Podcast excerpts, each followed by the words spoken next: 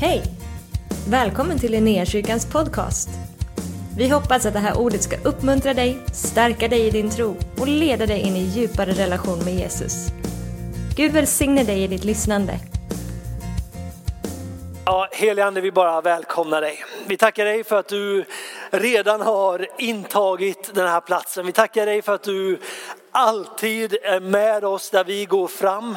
Men vi ber helige Ande att vi i den här stunden, att vi får erfara dig. Vi ber Herre att du får komma och ge liv till, till ordet Herre. Att det får träffa våra hjärtan Herre. Det som är ditt ord får träffa våra hjärtan Herre. Det får skilja märg och ben Herre. Det får blottlägga hjärtats hemligheter Herre. För det vi vill ha Herre, det är ditt ord, din sanning Herre. Vi vill ha din vishet och din kraft Herre. Så vi ber Herre att ditt ord får träffa där det ska träffa Jesus. Låt ditt ord ha framgång Jesus. Kom heligande. Kom heligande. Mm. Det finns eh, en berättelse om eh, aposteln Thomas Eh, efter att Jesus har eh, dött och uppstått så eh, samlas lärjungarna. De berättar för Thomas att ja, vi har sett den uppståndne, vi har sett den levande Jesus. Och Thomas säger att om inte jag får se såren i hans händer, om inte jag får stoppa min hand, mina fingrar i hålet i hans sida så kan jag inte tro. Och så vid ett annat tillfälle när de samlas och Thomas är med så kommer Jesus in i rummet och han säger Se mina sår, stoppa handen i min sida och Thomas får bekänna min Herre och min Gud. Jag fick det när vi bad innan här, jag tror att det kan finnas någon här inne som har sett Gud göra stora saker. Fått vara med och se hur Gud rör vid andra människor och kanske haft liksom varit med om helanden och mirakler tidigare men som just nu är i en period när man bara känner att Gud mitt, min tro hänger som på ett halmstrå. Och ni vet Jesus lovat att två eller tre är samlade i mitt namn. Där är jag mitt ibland er. Jag tror att om du är här idag så vill Gud, Jesus bara komma på nytt och uppenbara sig för dig. Han vill komma och möta dig för han är levande, han är närvarande och han söker ditt hjärta i den här stunden. Så om du är här, kom inte be er ställa er upp eller något sånt utan jag vill bara säga under den här, skit i vad jag säger idag. Bara ta en stund och på nytt bara bjud in Jesus i ditt hjärta.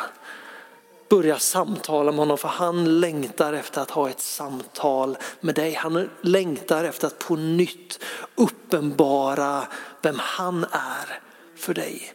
För när vi får uppenbarelsen om vem Jesus är då faller de där tvivlen, då faller den där kampen till marken. För i närvaron av Jesus så får vi liv och liv i överflöd.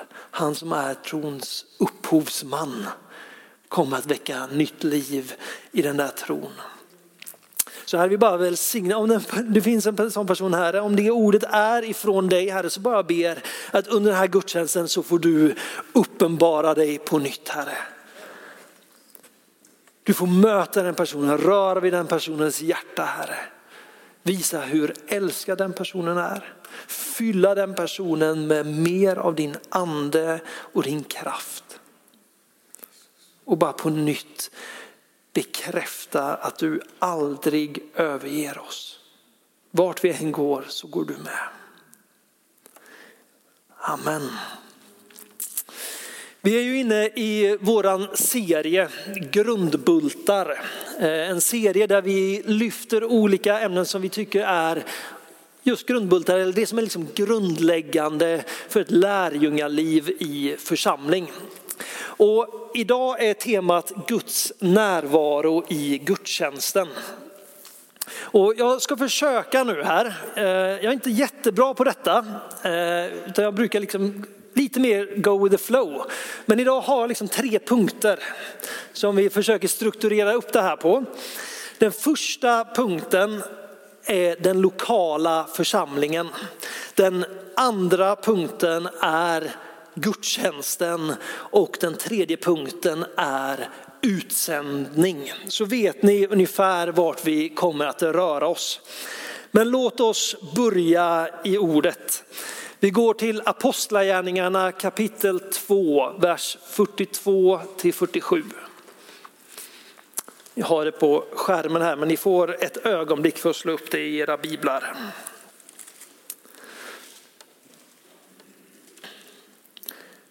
De höll troget fast vid apostlarnas lära och gemenskapen, vid brödsbrytelsen och bönerna. Och fruktan kom över alla och många under och tecken gjordes genom apostlarna. Alla troende var tillsammans och hade allting gemensamt. De sålde sina egendomar och allt vad de ägde eh, och delade ut till alla efter vad var och en behövde. Varje dag var det endräktigt tillsammans i templet och i hemmen bröt de bröd och höll måltid med varandra i jublande innerlig glädje. De prisade Gud och var omtyckt av allt folk och Herren ökade var dag skaran med dem som blev frälsta. Amen.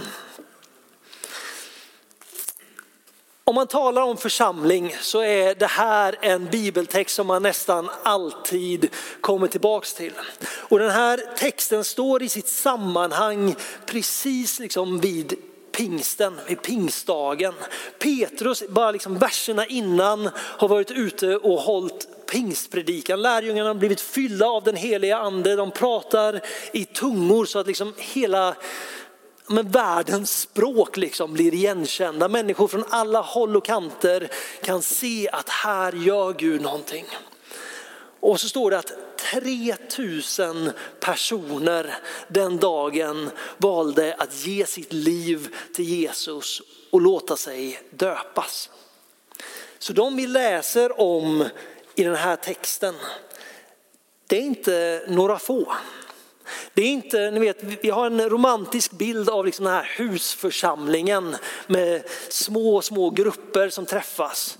Men det Bibeln säger här är att det här är 3000 personer som har blivit frälsta, har låtit sig döpas och som nu håller sig sammans i gemenskap med brödbrytelse, med böner, med lovprisning, med tjänande.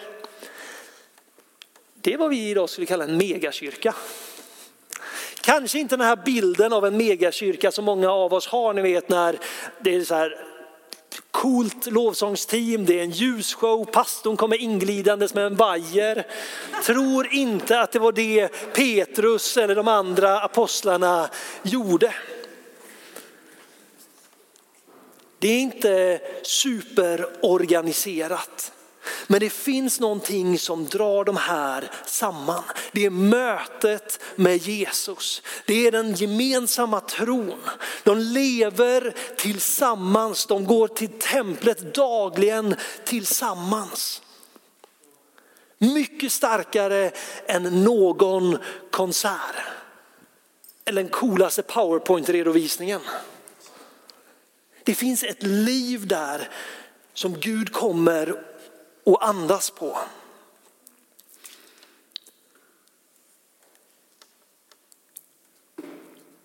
Och så står det i vers 47, och Herren ökade var dag skaran med dem som blev frälsta.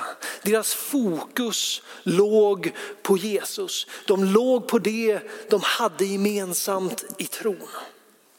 De har överlåtit allting till församlingen.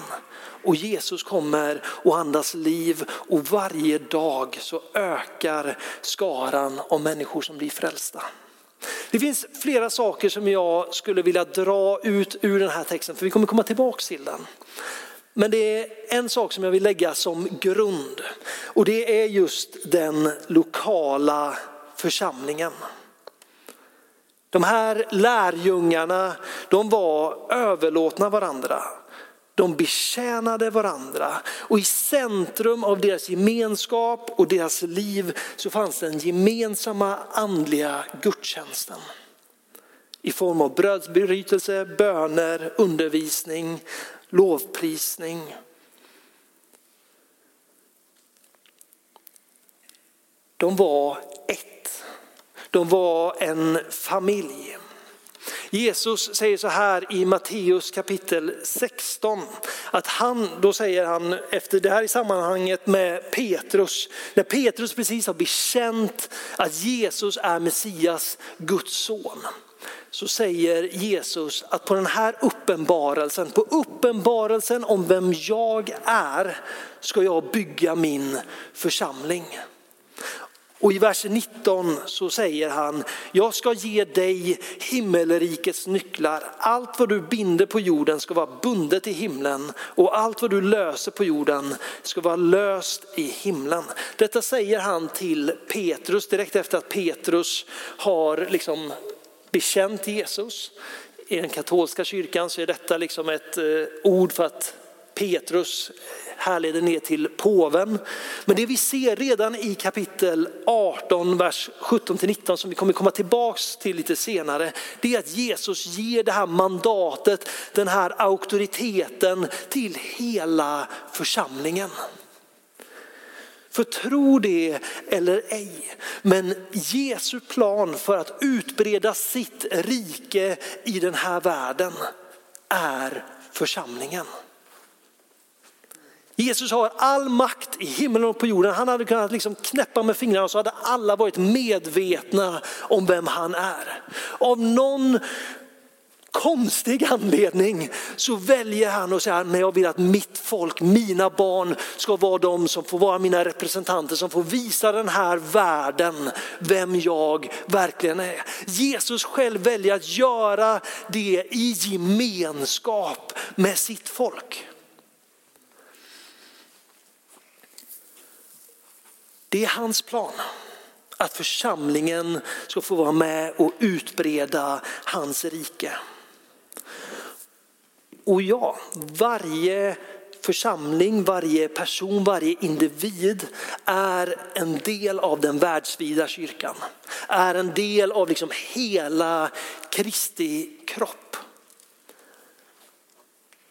Men samtidigt så ser vi genom hela liksom nya testamentet, från liksom födelsen av församlingen, av kyrkan på pingstdagen, så ser vi att Jesus kallar till lokala församlingar.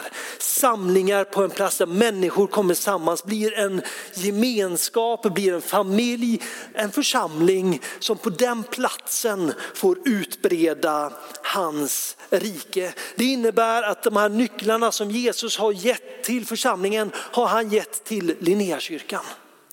Precis lika väl som han har gett det till Saronkyrkan eller Smyrna eller de andra församlingarna här i Göteborg.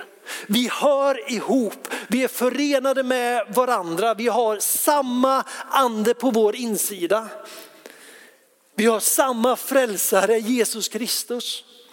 Vi är alla bröder och systrar. Vart än åker i världen så kommer ni ha någonting där ni känner igen varandra och inser att vi hör ihop därför att vi har samma fader.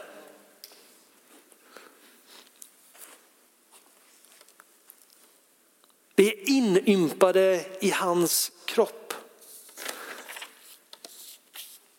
Men det finns en trend i kyrkan i jag vill säga Sverige idag, för jag har inte lika bra koll hur det ser ut i resten av världen. Så vi talar utifrån vårt eget sammanhang just nu. Det finns en trend idag av någonting som man brukar kallas för church surfing eller kyrksurfing. Man går dit man känner att här är det spännande, här händer det någonting just nu, här vill jag vara med tills jag hittar ett bättre ställe att vara med på. Hör mig rätt nu, det är inte fel att besöka en församling. Gå dit bara för att ta del av välsignelserna. Det är inte fel att i jakten på att hitta ett andligt hem besöka många församlingar. Men förr eller senare måste vi komma till platsen där vi överlåter oss till en församling. Vi måste hitta en plats där vi slår ner våra tältpluggar och säger att här ska jag vara med och bygga Guds rike.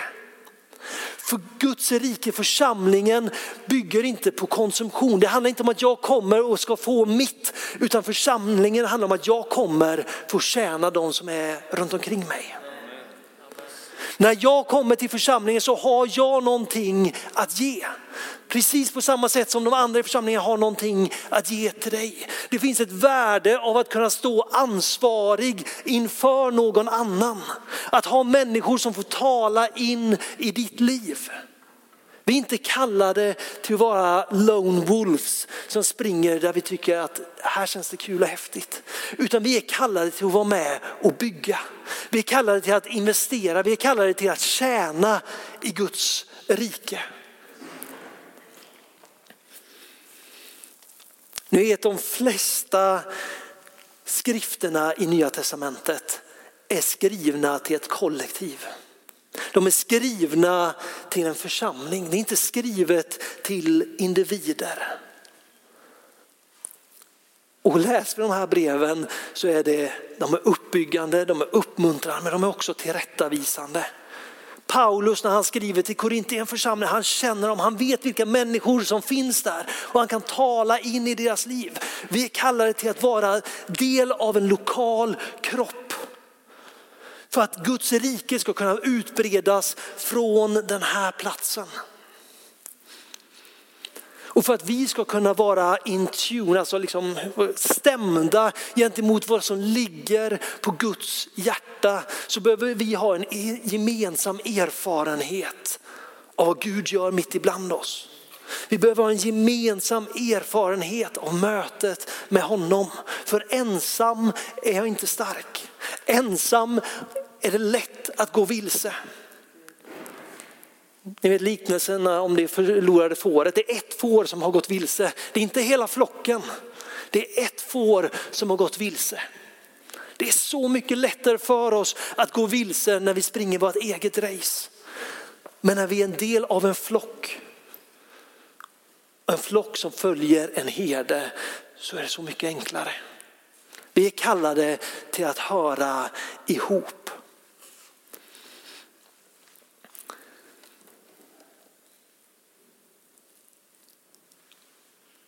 Låt oss gå till eh, Matteus kapitel 18, vers 18-20. Här kommer eh, det som jag citerade alldeles nyss. Amen säger jag er, allt vad ni binder på jorden ska vara bundet i himlen och allt vad ni löser på jorden ska vara löst i himlen. Där kom det. Fortsättningen nu.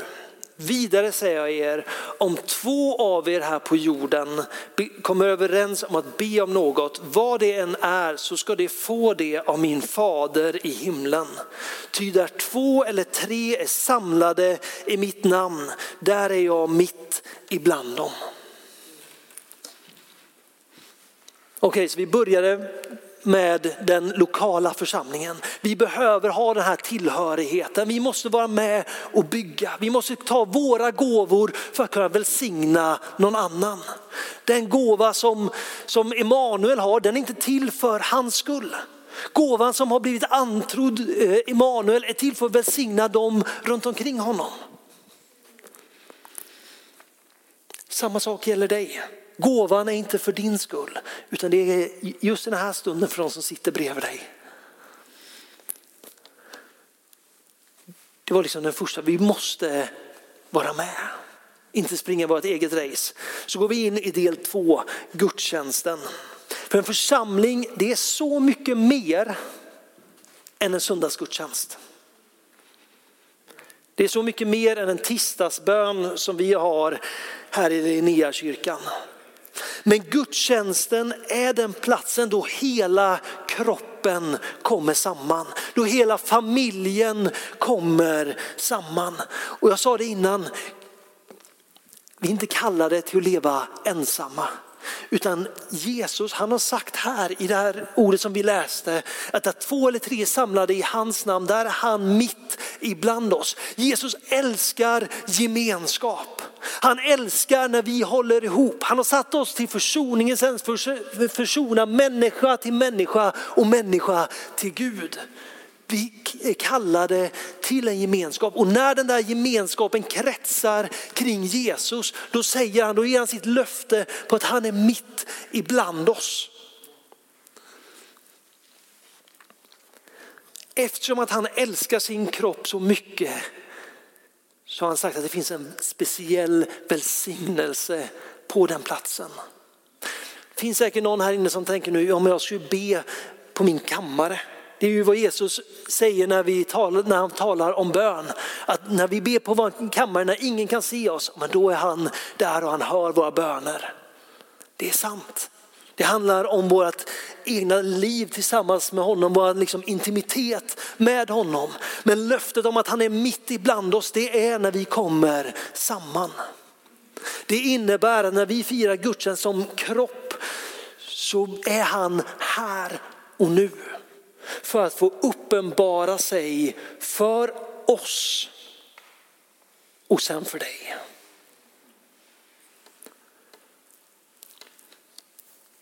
Det är därför som gudstjänsten är en plats där vi, där vi bör förvänta oss ett möte med Jesus. Det är hans löfte. Han har utvalt den lokala församlingen, han har utrustat den och han säger när ni samlas då är jag mitt ibland oss. Vi måste komma med en förväntan på honom när han är här mitt ibland oss. Jag vet inte hur det är för er, men jag har mött väldigt många människor och jag har varit där själv som har åkt iväg på läger, konferens, kanske till och med bibelskola och haft nästan så här spektakulära möten med Jesus. Så man förälskar sig i konferenser och läger. Man har förväntan på konferenser och läger att man ska få ett möte med Jesus. Att man ska åka därifrån välsignad. Innebär det då att det är Guds liksom nya plan? Det, det, är det inte. Det är fortfarande församlingen som är Jesu plan för att utverka sitt rike i den här tiden, i den här världen. Skillnaden tror jag nu, det är att när jag bestämmer mig för att åka på en konferens eller åka på ett läger, jag kommer dit med förväntningar. Jag kommer dit med en hunger för att jag vill ha mer. Och sen visar det sig att det är mängder med andra människor som kommer med samma längtan, med samma hunger, som sträcker sig efter samma sak. Som inte håller tillbaks utan som låter sina gåvor verka.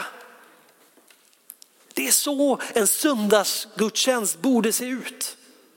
Inte upphypad med liksom, ni vet, de bästa lovsången med den högsta volymen. Det är inte det det handlar om. Det har ingen inverkan. Men hjärtan som kommer samman med en genuin längtan och hunger efter ett möte med Jesus. Den längtan kan inte han tacka nej till. Den längtan kommer han alltid att svara på. För ni vet när man är på ett läger eller en konferens, man åker hem.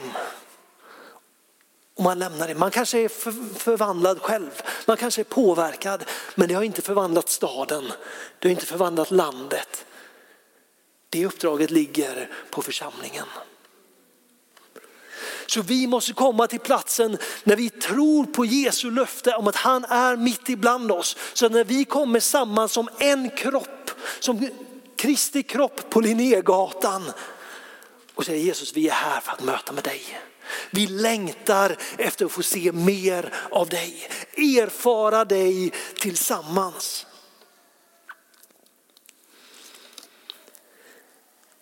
Det står så här i första eh, Korintierbrevet kapitel 12.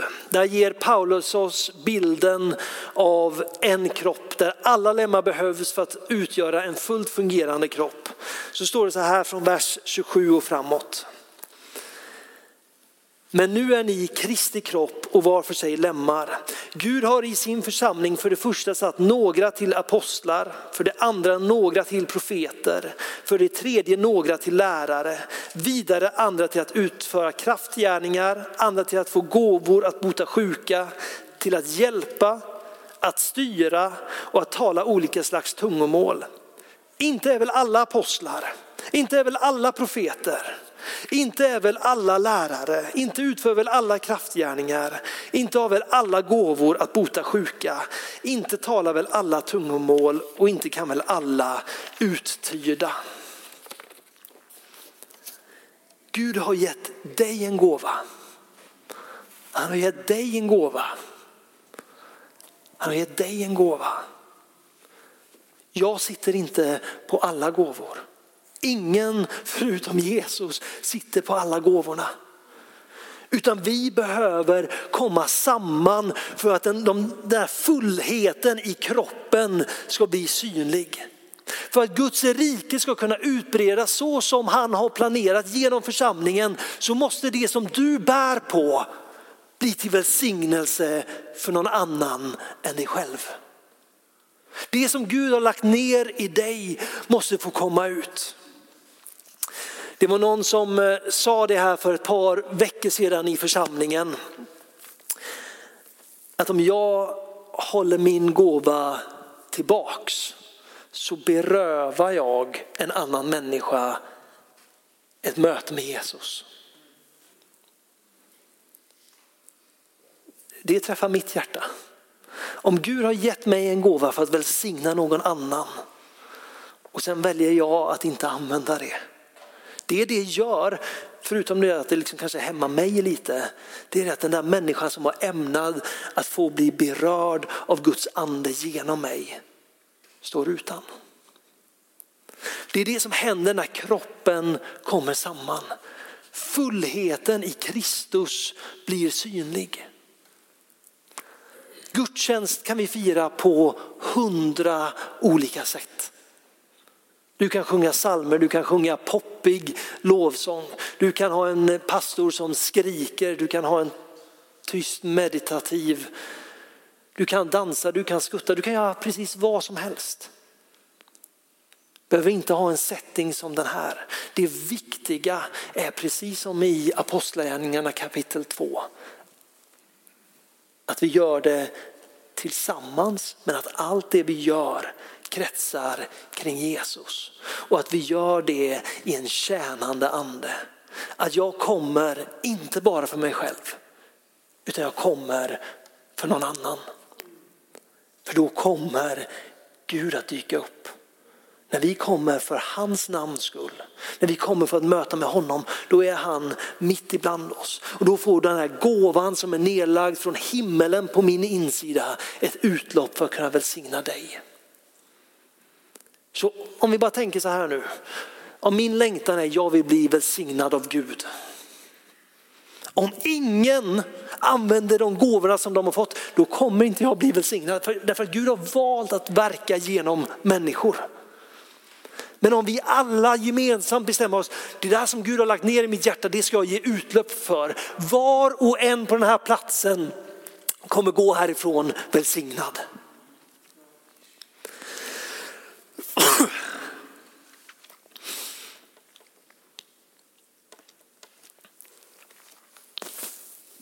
Men det är inte bara för oss. Vi är inte ämnade att leva gömda innanför kyrkans väggar. Utan vi är ämnade att leva i den här världen, mitt bland folk som inte känner Jesus. Gudstjänsten är platsen där kroppen kommer samman.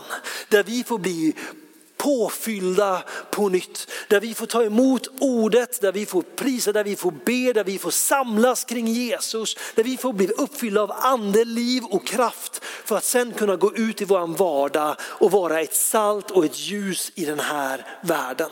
Det är församlingens grundläggande uppgift. Att vara en stad på ett berg som inte kan döljas. Att reflektera Jesus vart vi än kommer.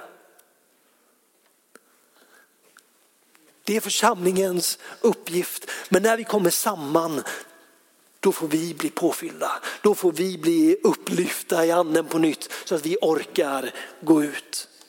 Då kan den där gåvan som någon annan har låtit gå ut över mig vara det som förändrar människan jag möter här utanför. Kyrkans plats är ute bland folket. Vi såg i Apostlagärningarna 2.47, precis innan det stod att, att Jesus, eller att många blev frälsta, så står det, det prisade Gud och var omtyckta av allt folket. Deras gemenskap kretsade kring Jesus, de betjänade varandra och om någon anledning så tycker människorna om dem. Därför det finns, det finns en glädje, det finns ett hopp, det finns en tro, det finns en tjänstvillighet i dem. Vart föds det där? För jag vet att jag vaknar inte med det där på morgonen. Men när jag har varit med församlingen så har jag hopp för den här staden, jag har hopp för den här världen. När jag hör vittnesbörd om hur någon har blivit helad när de har varit ute så väcks ett hopp i mig. Om att har Gud gjort det en gång så kan han göra det igen.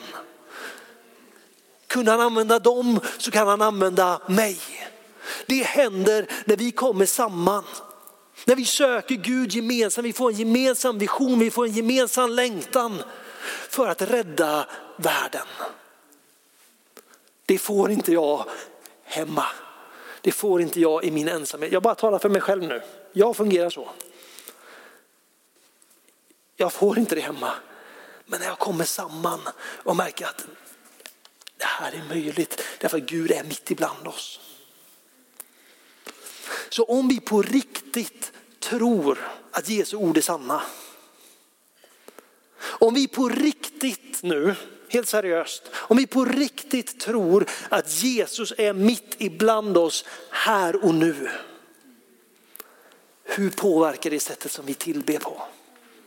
Hur påverkar det hur jag ber mina böner? Hur påverkar det vår gemenskap? När jag vet att Jesus är här mitt ibland oss. Det är hans löfte, det är vad han säger, att han är här nu, mitt ibland oss, för vi har samlats kring hans namn. Hur påverkar det hur vi lever våra liv? Borde inte det vara en plats som vi älskar att komma till? Borde inte det vara en plats som vi kommer med förväntan till? Om han är här, då kommer jag med mina brister, med mina svagheter, med mina smärtor och jag slänger det på honom. Tror vi att han är här så påverkar det hela vår inställning till hur vi firar gudstjänst. Och när vi sträcker oss efter mer av honom så kommer han oss till mötes. Ett annat löfte i Bibeln. Jag försöker inte pumpa igång oss utan bara försöker dra oss tillbaka till den där platsen. Att Gud har insatt församlingen. Där vi får tillsammans utbreda hans Guds, Guds rike. Där vi tillsammans får möta honom. Och när vi kommer samman så finns det där löftet om att han är med oss. Att han möter oss, att han rör vid oss. Och om han gör det vem säger då att det inte finns hopp för Göteborg? För våra utsatta områden. Om den levande guden är mitt ibland oss. Han som har all makt i himmel och på jord. Då är det fantastiskt att fira gudstjänst. Ingen vill fira gudstjänst för att bara sitta av en och en halv timme på en söndag. Det är bortkastad tid. Men om jag förväntar mig att det finns ett möte med Jesus den där en och en halv timmen då kan vi börja diskutera, ska vi verkligen bara köra en och en halv timme? Men där är vi inte än.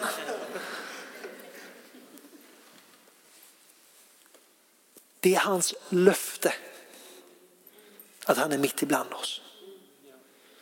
Så vad gör vi när förbönen kommer? Har vi förväntningar på att Gud kommer att göra någonting?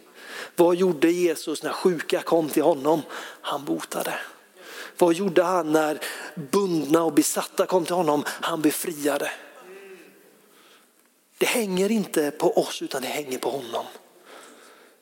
Men vi måste sträcka oss efter det som han har sagt är tillgängligt. Låter du dina gåvor komma i funktion när vi samlas?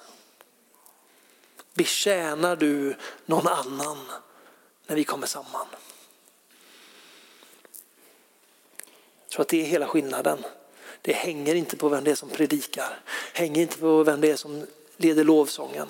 Hänger inte ens på vilka som är med i förbönen. Om vi var och en tar det som vi har fått av Gud till att välsigna en annan människa så hade det här varit en helt annan plats att vara på. Jag säger detta lika mycket till mig själv som jag säger det till oss. Jag säger det inte till dig nu utan jag säger det till oss.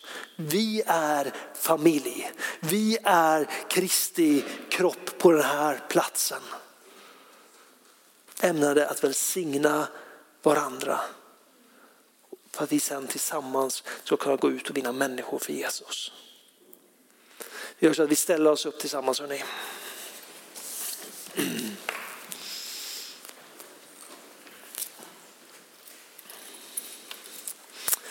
Helige Ande, vi välkomnar dig. Jag vet att jag redan har sagt det, men Herre jag ber i den här stunden att du på nytt får fylla var och en av oss. Herre jag ber att du på nytt får tända en passion i vårt hjärta Herre.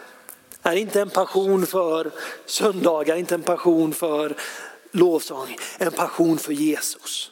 Herre, en passion för dig. När vi bara längtar efter att få möta med dig Herre. När vi längtar att få se hur din vilja får ske genom oss till välsignelse för någon annan Herre. Herre jag tackar dig. Jag tackar dig för att du har bjudit in oss att göra det här tillsammans med dig. Trots vår brustenhet, trots våra fel så har du bjudit in oss att vara med. Så Herre jag bara ber, sätt våra hjärtan i brand. Sätt våra hjärtan i brand Herre. Jag ber att vi får en ny gemensam erfarenhet av dig Herre. Där vi får se hur du blir förhärligad mitt ibland oss Jesus. Herre, vi ber välsigna de andra församlingarna i Göteborg och i Sverige, Herre. Välsigna dem, låt dem komma ut i funktion. Nej, Jesus, jag ber, gör någonting nytt ibland oss. Väck oss, Herre. Väck oss. Låt det där som du har lagt ner på vår insida flamma upp. Låt det komma till liv. Låt oss inte böja oss under, under jantelagen Herre och hålla det tillbaks. Inte våga sticka ut hakan Herre. Utan vi vill springa med det som du har gett oss Herre. För vi vill se mer av dig. Vi vill se mer av ditt rike mitt ibland oss. Vi vill se din vilja ske så som i himmelen så och i Linnéakyrkan och Göteborg Herre. Kom, kom Herre och rör vid oss. Var och en, var och en Herre. Tack för att du har varit med oss. Hoppas du känner dig inspirerad av Guds ord och har fått nya perspektiv. Hör gärna av dig till oss och berätta om Gud har rört vid dig på något sätt. Vi är så glada att få höra vittnesbörd om vad Gud gör. Du kan mejla oss på adressen info och dit kan du även mejla om du har ett böneämne som du önskar att vi ber för. Eller om du har tagit emot Jesus och inte har någon bibel så vill vi mer än gärna skicka en bibel till dig. Skicka ett mejl med ditt namn och dina adressuppgifter till info så ser vi till att du får en. Om du vill ge en gåva till Linnéakyrkans arbete för att nå fler människor med evangelium så kan du swisha till 123 520 0993. Du kan också besöka oss på linneakyrkan.se för att få mer information. Välkommen tillbaka att lyssna snart igen.